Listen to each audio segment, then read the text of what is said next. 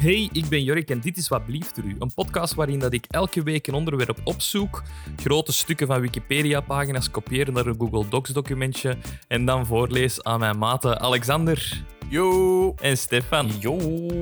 Jongens, welkom terug voor een nieuwe aflevering. Nog steeds niet samen. Nee, nog altijd niet. Ach ja, het zal even de norm blijven zeker. Hopelijk van de zomer wel eens goed, dan kunnen we eens buiten eh, opnemen of zo. Ja, dat zou wel nice zijn. Het zonnetje. Alright, ik ga gewoon ineens beginnen met mijn onderwerp. Hè.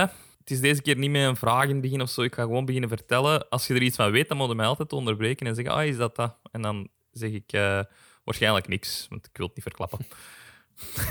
Oké. Op 13 mei 1931 werd Jim Jones geboren. In het Amerikaanse stadje Crete. Kent er iemand Jim Jones? Nope. Zeg je dan nog niks? Oké. Wegens gebrek aan geld moest het gezin verhuizen naar het stadje Lynn, waar Jim Jones opgroeide. Jim Jones' vader was erg racistisch. Hij was zelfs lid van de Ku Klux Klan. Ik zei Ku Klux Klan, het is Ku Klux Klan. Dat is juist. Ik dacht altijd Ku Ku Ku Ku Klan. Ku Klux Ku Klux Klan. Ku Klux Klan. Jim Jones voelde zich echter erg betrokken bij het leed van minderheden, omdat hij zichzelf ook een beetje als een buitenbeentje zag. In de loop der jaren ging hij zich het leed van de minderheden en armen in de samenleving steeds meer aantrekken en werd hij zelfs communistisch. Jones ging in 1949 studeren aan de Universiteit van Indiana, waar hij lid werd van de Communistische Partij van de USA. Hij gaf zwarte en blanke precies dezelfde rechten, wat in die tijd redelijk revolutionair was. Zeker op religieus gebied was er een duidelijke afscheiding tussen blanken en zwarten. En vroeger was dat, dat er echt... eh ja, Gol- Golle weet dat wel. Ik moet dat niet uitleggen. Jazeker. Eh, juist hierom besloot hij om zijn eigen kerk op te richten, wat uiteindelijk de People's Temple werd. Zegt dat al iets? Mm, nee. Is dat over die ziekte? De zwent. Ja, maar dat is precies wel iets van... eh, Ja, ja, Alexander is het, People's eh, Temple, dat komt mij wel bekend voor. Ja. Ehm, je kan zeggen dat dit een van de eerste Amerikaanse gemengde kerken werd, dus tussen eh, blanken en zwarten. Hij werd eh, de daaropvolgende jaren steeds sterker van mening dat zwarten en blanken dezelfde rechten moesten hebben. Hij zorgde ervoor dat hij op de radio kon komen en schreef neonazi-leiders brieven die hij aan de pers liet uitlekken. Toen hij een keer in het ziekenhuis opgenomen moest worden, werd hij per ongeluk op de zwarte afdeling geplaatst. Toen was dat daar echt gescheiden. Ehm, nu de, de gewone afdeling en de corona-afdeling. Toen hadden we de zwarte en de blanke afdeling. Eh, hij weigerde zich toen te laten verplaatsen en begon zelfs met het helpen verzorgen van zwarte patiënten. Dus in die tijd, allee, 1950, 1949, dan was dat echt wel een ja, goede gast, zo precies. hè. Jones adopteerde toen hij wat ouder was zelfs veel kinderen van verschillende komaf, voornamelijk uit Korea. En in die tijd was Amerika in oorlog met Korea en Jones pleitte voor het stoppen van de oorlog en aandacht voor de burgers in Korea. Zijn geadopteerde gezin noemde hij de Rainbow Family, wat het boegbeeld zou worden van zijn kerk. De Rainbow Family. Zou dat slagen op alle verschillende haatskleuren? Ja. Waar gaat hij een paarse vinden? Oh. Ehm, rond 1952, nog maar 21 jaar toen, richtte Jones de People's Temple op, waarin hij vooral pleitte dat alle mensen van alle rassen gelijk zijn. De slavernij was al jaren afgeschaft, maar zwarten werden nog steeds op een andere manier behandeld door middel van zwarte coupés, zwarte cafés en zelfs zwarte vliegtuigvluchten. Dat is echt raar eigenlijk, hè, dat alles zo echt gescheiden was. ja. Die zaten Ja. ook altijd van achter op de bus en zo, hè? Ja. Ja, allee, de- ja, die mochten zelfs niet, niet opstappen van Nee. voren. Die had echt zo Ja, strange. een deur voor de zwarte en Ja. een deur voor de blanke. Ik vind dat echt raar, want dat zijn toch gewoon... Allee, we zijn toch allemaal gewoon mensen. Oh, mooi gezegd. Tja. Dat dat gewoon ook algemeen aanvaard werd. Dat vind ik crazy. Allee, zo goed als algemeen aanvaard. Ja, andere tijden waren dat, hè. Je, je waart iets anders gewoon, hè, die tijd. Zijn er nu zo'n dingen zo dat je zou denken dat misschien over zo twintig jaar niet meer aanvaard wordt? Roken is ook zoiets, hè? Roken is ook zo, Ja. was heel aanvaard, nog niet zo lang geleden zelfs. En nu, allee, dat mag nergens meer ten eerste. En Ja, alco- alcohol. alcohol, ja, ja, dat kan. Ja, openbaar drinken. Allee, je mocht hier nou ook niet drinken op straat of zo, hè? Dus dat is ook... Amai. Ja, Rubiken om 11 uur gaat dat ook niet meer lukken. hè. Ja. ja. Onhetze. In 1961 werd er door Jones gepreekt over een apocalyptische nucleaire oorlog. Hij ging daarom op zoek naar plaatsen waar deze oorlog uitgezeten kon worden. Hij kwam uit bij Brazilië, waar hij enkele jaren werkte in sloppenwijken. Maar in 1965 keerde hij terug naar Indiana toen hij hoorde dat zijn kerk op instorten stond. Dus hij heeft echt een kerk gestart. En je zou zo denken dat hij daar constant bij moet zijn, maar dat is niet. Hè. Dat, is dat, dat is zijn eigen leventje beginnen leiden. Dat, misschien moeten wij ook een kerk starten. Ja. Kerk van uh, al onze De hobby's. Rummy Boys kerk. Ja. de Rummy Boys. Nice. Dus, eh, school op onze kerk dan. Schollegeus. Terug in Amerika ging hij verder met zijn preken over die nucleaire oorlog. Ehm, we zijn 65, dus dat, dat is de Koude Oorlog. Hè. Dat is pal in de Koude Oorlog. Hij voegde rond deze periode zijn communistische opvattingen bij zijn religieuze opvattingen. Dus eh, een soort van mix van Ja. ja. Hoe dat hij... Ja, een heel speciale kerk wel. Ehm, om veiliger te zijn voor de oorlog verhuisde hij van Indiana naar Californië. Maar ook omdat in Californië het, ehm, waren ze al veel meer open voor dat idee van dezelfde rechten tussen blanken en zwarten. Rond 1970 deed de People's Temple afstand van het huidige christendom. En Jones schreef zelfs een boek waarin hij zich afzet tegen de Bijbel en schrijft dat de Bijbel een excuus is voor de blanken om hun vrouw te mogen slaan en zwarten te mogen mishandelen. Harde woorden.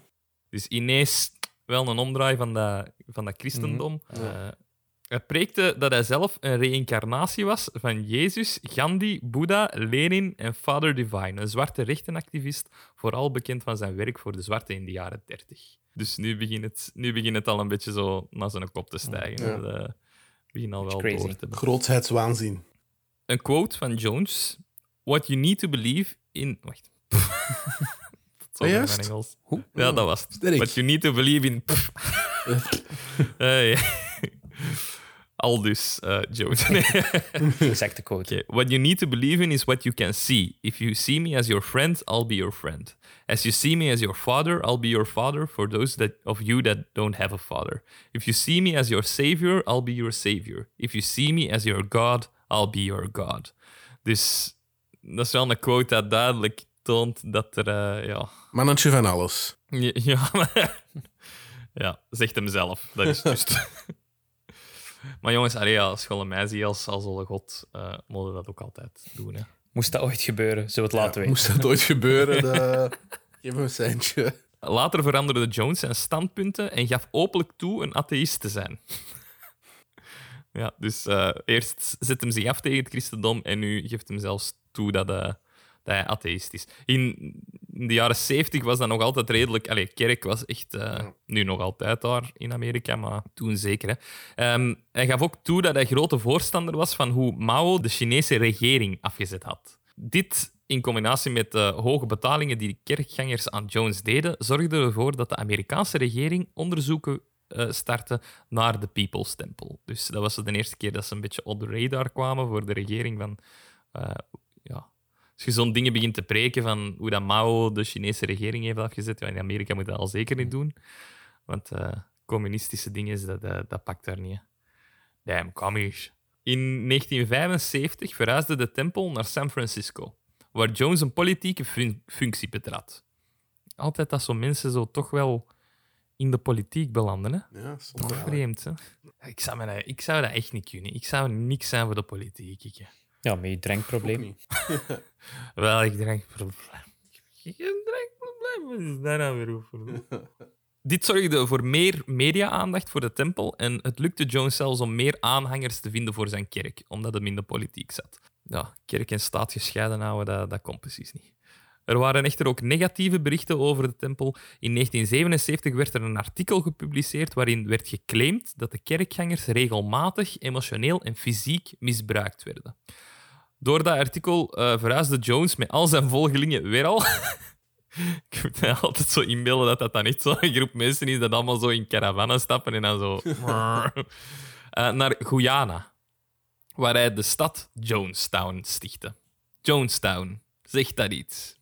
Nee. Nee. Allee, zeg.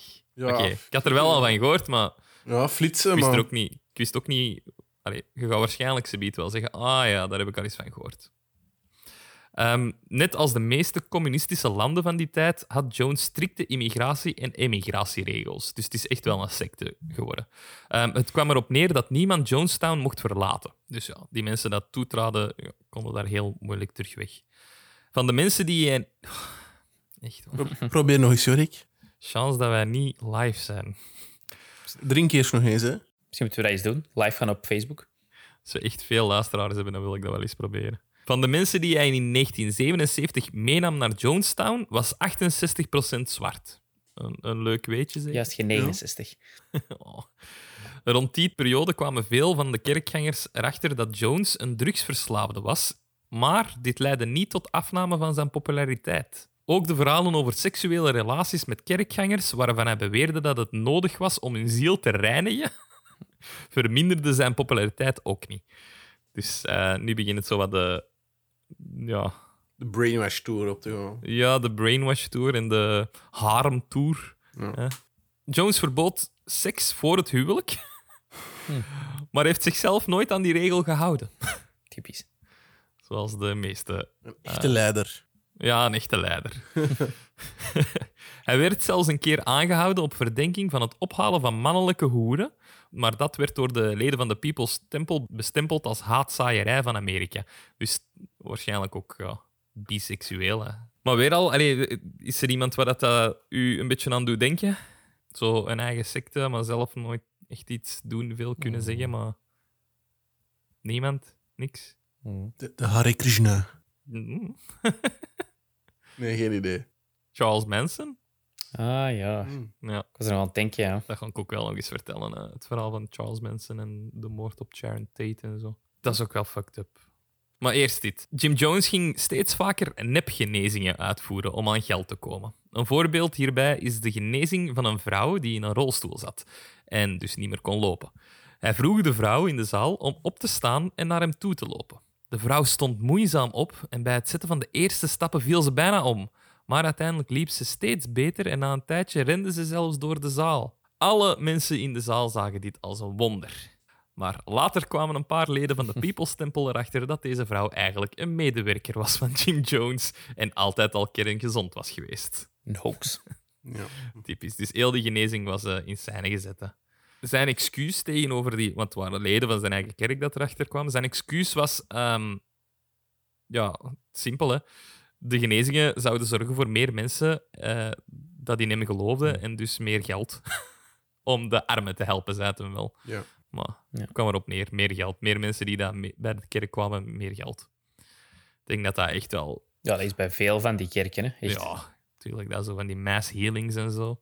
Die show van Darren Brown, hebben we die nu niet samen gezien met, eh in- met Nivea? Ja, dat is juist, ja. Nee, hoe- onze Ja. getaway in Dardenne. Dat, eh, dat, dat hij, Darren Brown, een illusionist en mentalist, aantoont hoe dat van die healers dat eigenlijk doen. Mensen erin tricken dat ze echt wel beter kunnen zien of slechter kunnen zien door allemaal van die trucjes of gewoon in te praten op die mensen. Hmm. Ja, want het moet maar even werken en, en ze zijn verkocht. Ja, hè. zijn mee, hè. Of ze moeten even denken dat het heeft gewerkt. Dat is eigenlijk al genoeg. Het moet zelfs allee, echt werken, doe ik het niet. Jim Jones hield zijn volgelingen in bedwang door angst te zagen. Zagen. Zagen. Door heel veel te zagen. Zo houdt hij van mij, mij ook in bedwang. Oeh, hopelijk luistert ze niet. Nee, die luistert niet. oh. Hij vertelde hen dat het in eh, Amerika veel te gevaarlijk was voor hen. Er zouden volgens hem concentratiekampen voor Afro-Amerikanen zijn opgezet, bewaakt door leden van de Ku Klux Klan. Koek, koek. Dus ik weer Klux Klan. Ehm, in Amerika was er eh, wel steeds meer vraag naar een onderzoek naar die secte.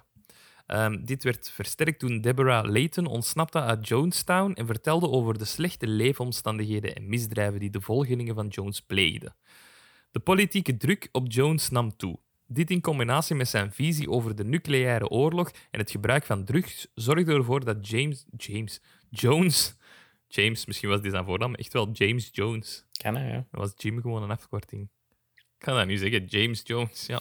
Zorg ervoor dat James Jones enorm paranoïde werd.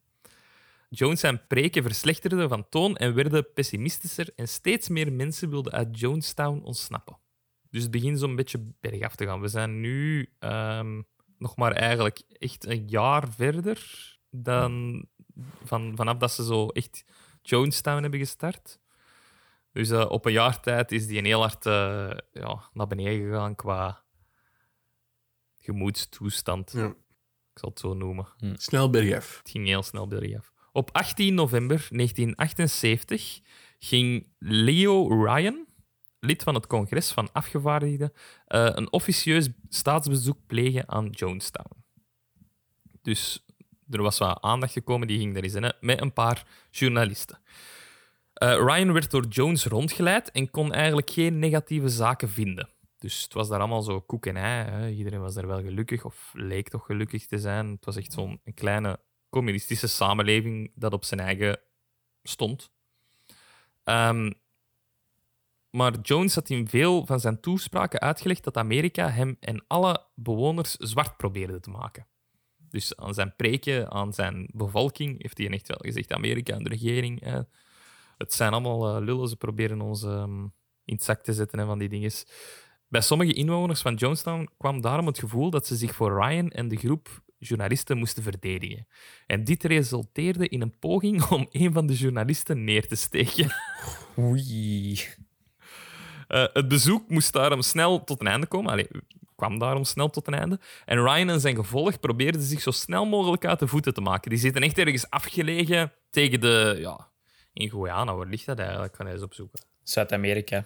Noorden zo, hè. Echt aan de grens dan. Dus ja, in, ik denk een klein open veld in een jungle zeker. Maar op weg terug naar het vliegtuig, waarmee ze gekomen waren, kwamen 15 inwoners van Jonestown naar hun toe. Dus naar die groep journalisten en Ryan toe. Met het verzoek eh, om hun mee te nemen naar Amerika. Dus die probeerden te, te vluchten, vluchten. Uit, uit dat stadje. Echt zo te smeken van, "Ah, neem ons mee, kinderen. Dit maakte natuurlijk Jones heel boos. En eh, het ontplokte een, eh, een razernij bij hem. Dat resulteerde in een schietpartij op de vliegstrook, waarbij vier journalisten en Leo Ryan zelf om het leven kwamen. Ja. Dat Mijn is wel heftig. Ja, dat was een soort van klein conflictje dat daar gebeurde. Jones was ervan overtuigd dat de Amerikaanse regering hun legers naar Jonestown zouden sturen, om ze zo op de meest gruwelijke wijze te vermoorden. Dit vertelde hij dan ook in zijn volgende preek, dus net daarna, dezelfde dag nog. Hij vertelde hierin dat de Amerikaanse soldaten hun baby's zouden doodschieten en hun stad zouden verbranden. Samen met zijn fanatieke aanhangers opperde hij het idee om met alle bewoners van Jonestown zelfmoord te plegen. Zeg het nu iets? Ja. Ik heb dat Ja. denk ik ooit gezien op school. Ik, heb, ik kan me dat zelf herinneren dat ik daar een, foto's of video's van heb gezien van die Dat stad. kan, ja. Dat is wel een crazy gebeurtenis hè, in Ja. de geschiedenis. Eh, doordat Jones al een paar keer had zitten proefdraaien met het idee van een massale zelfdoding, wist hij zelfs welke mensen zouden helpen en welke mensen de meeste kans hadden om tegen te werken. Ondertussen, terwijl hij dat, zijn preek aan het doen werd, werd er al een eh cyaan kali gemixt met limonade. Kinderen werden gescheiden van hun ouders en de kinderen kregen als eerste het giftige drankje. Ja, nu wordt het even heavy, hè. Ja, man. Daarna werden de volwassenen naar de bak met giftige limonade gebracht en werd hen bevolen om te drinken. Velen deden dit zelfs uit vrije wil, maar wie het niet wilde, kreeg met geweld een injectie ingespoten. De mensen die wegrenden, werden in de rug geschoten. En Jones zelf nam geen gif, maar schoot zichzelf door het hoofd. In Jonestown stierven op die dag 909 mensen, waarvan 276 kinderen. Ah. Heavy, hè? Ja, dat is crazy. De FBI vond tijdens hun onderzoek een tape waarop de laatste momenten van de inwoners van Jonestown te horen zijn. Ik ga die tape niet laten horen. Geen schrik, want dan, dan wordt het wel heel heavy. Op de tape stonden onder andere deze uitspraak van Jones, die hij tegen de mensen riep terwijl ze aan het huilen waren. Stop this hysterics. This is not the way for people who are socialist and communist to die. It's no way for us to die. We must die with some dignity. En het allerlaatste wat hij zegt op de tape is: We didn't commit suicide, we committed an act of revolutionary suicide protesting the conditions of a inhumane world.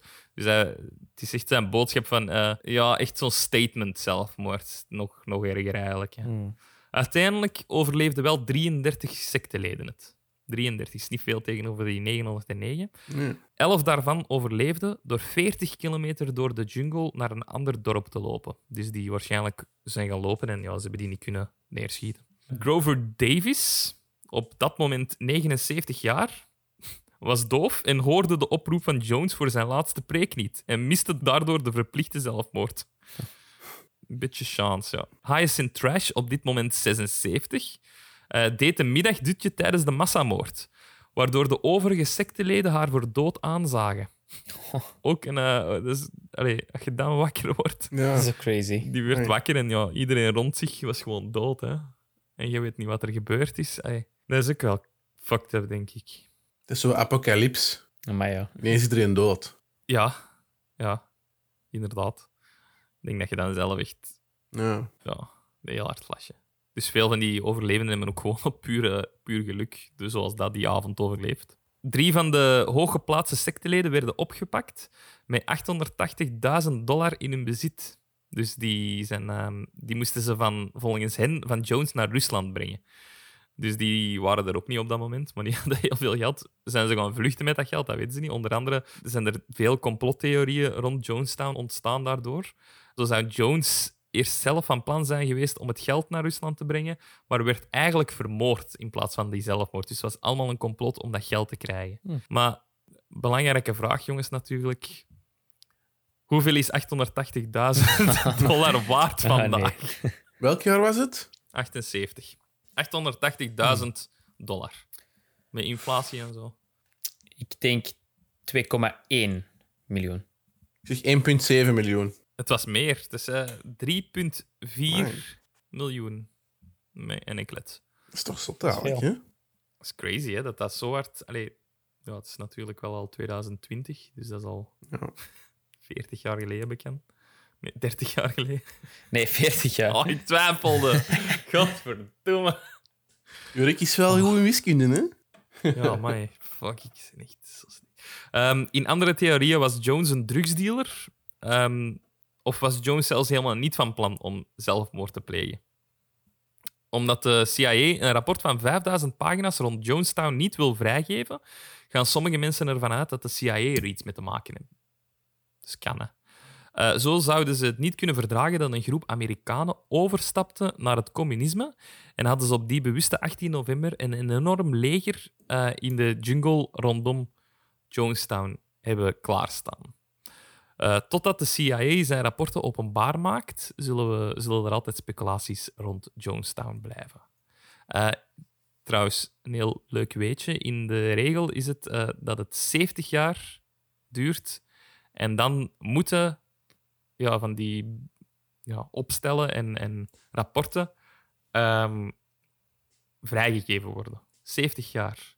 Dus in 2048 wordt het, eh, wordt het rapport van Jonestown vrijgegeven. En, nog misschien belangrijker, en dat is echt nog niet, zo, niet meer zo lang, gaan wij nog meemaken. In 2039 komt er ook een, een rapport vrij. De moord op eh, zeggen JFK. Welk? Ook eentje waar dat heel veel theorieën en complottheorieën rondgaan. Amerika, hè? Exact. JFK-shootings komt in 2039 vrij. Dus het eh, rapport daar rond. Dus dan zal er wel een zotte Netflix-documentaire eh, vrijkomen.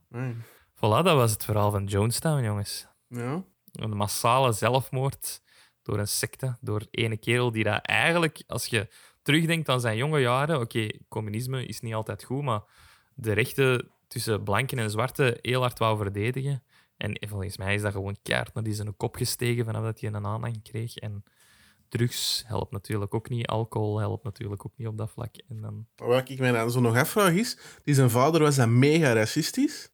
En hij dan totaal niet. Wat daar en... eh, allee, is dat dan... Ja, dat gaat dan toch ook iets zijn. Allee, ik denk dan, als uw vader zo mega racistisch is, allee, dat gaat sowieso ook ene zijn die dat geslagen werd, misschien toen dat hem jong was. Mm. En dan verzet u zo hard tegen wat je thuis hebt geleerd en wat dat er thuis de norm is, dat je keihard Ja. tegenovergesteld is beginnen doen. Dus hoe echt was dat? Hè? Hoe echt was die niet-racistische bedoeling? Mm, Wie weet was dat echt puur, toch al sinds begonnen om zijn vader eigenlijk te zeggen van fuck you. Ja. En ja, want uiteindelijk geen goede mensen. Hij heeft duizend mensen bekend vermoord. Hè?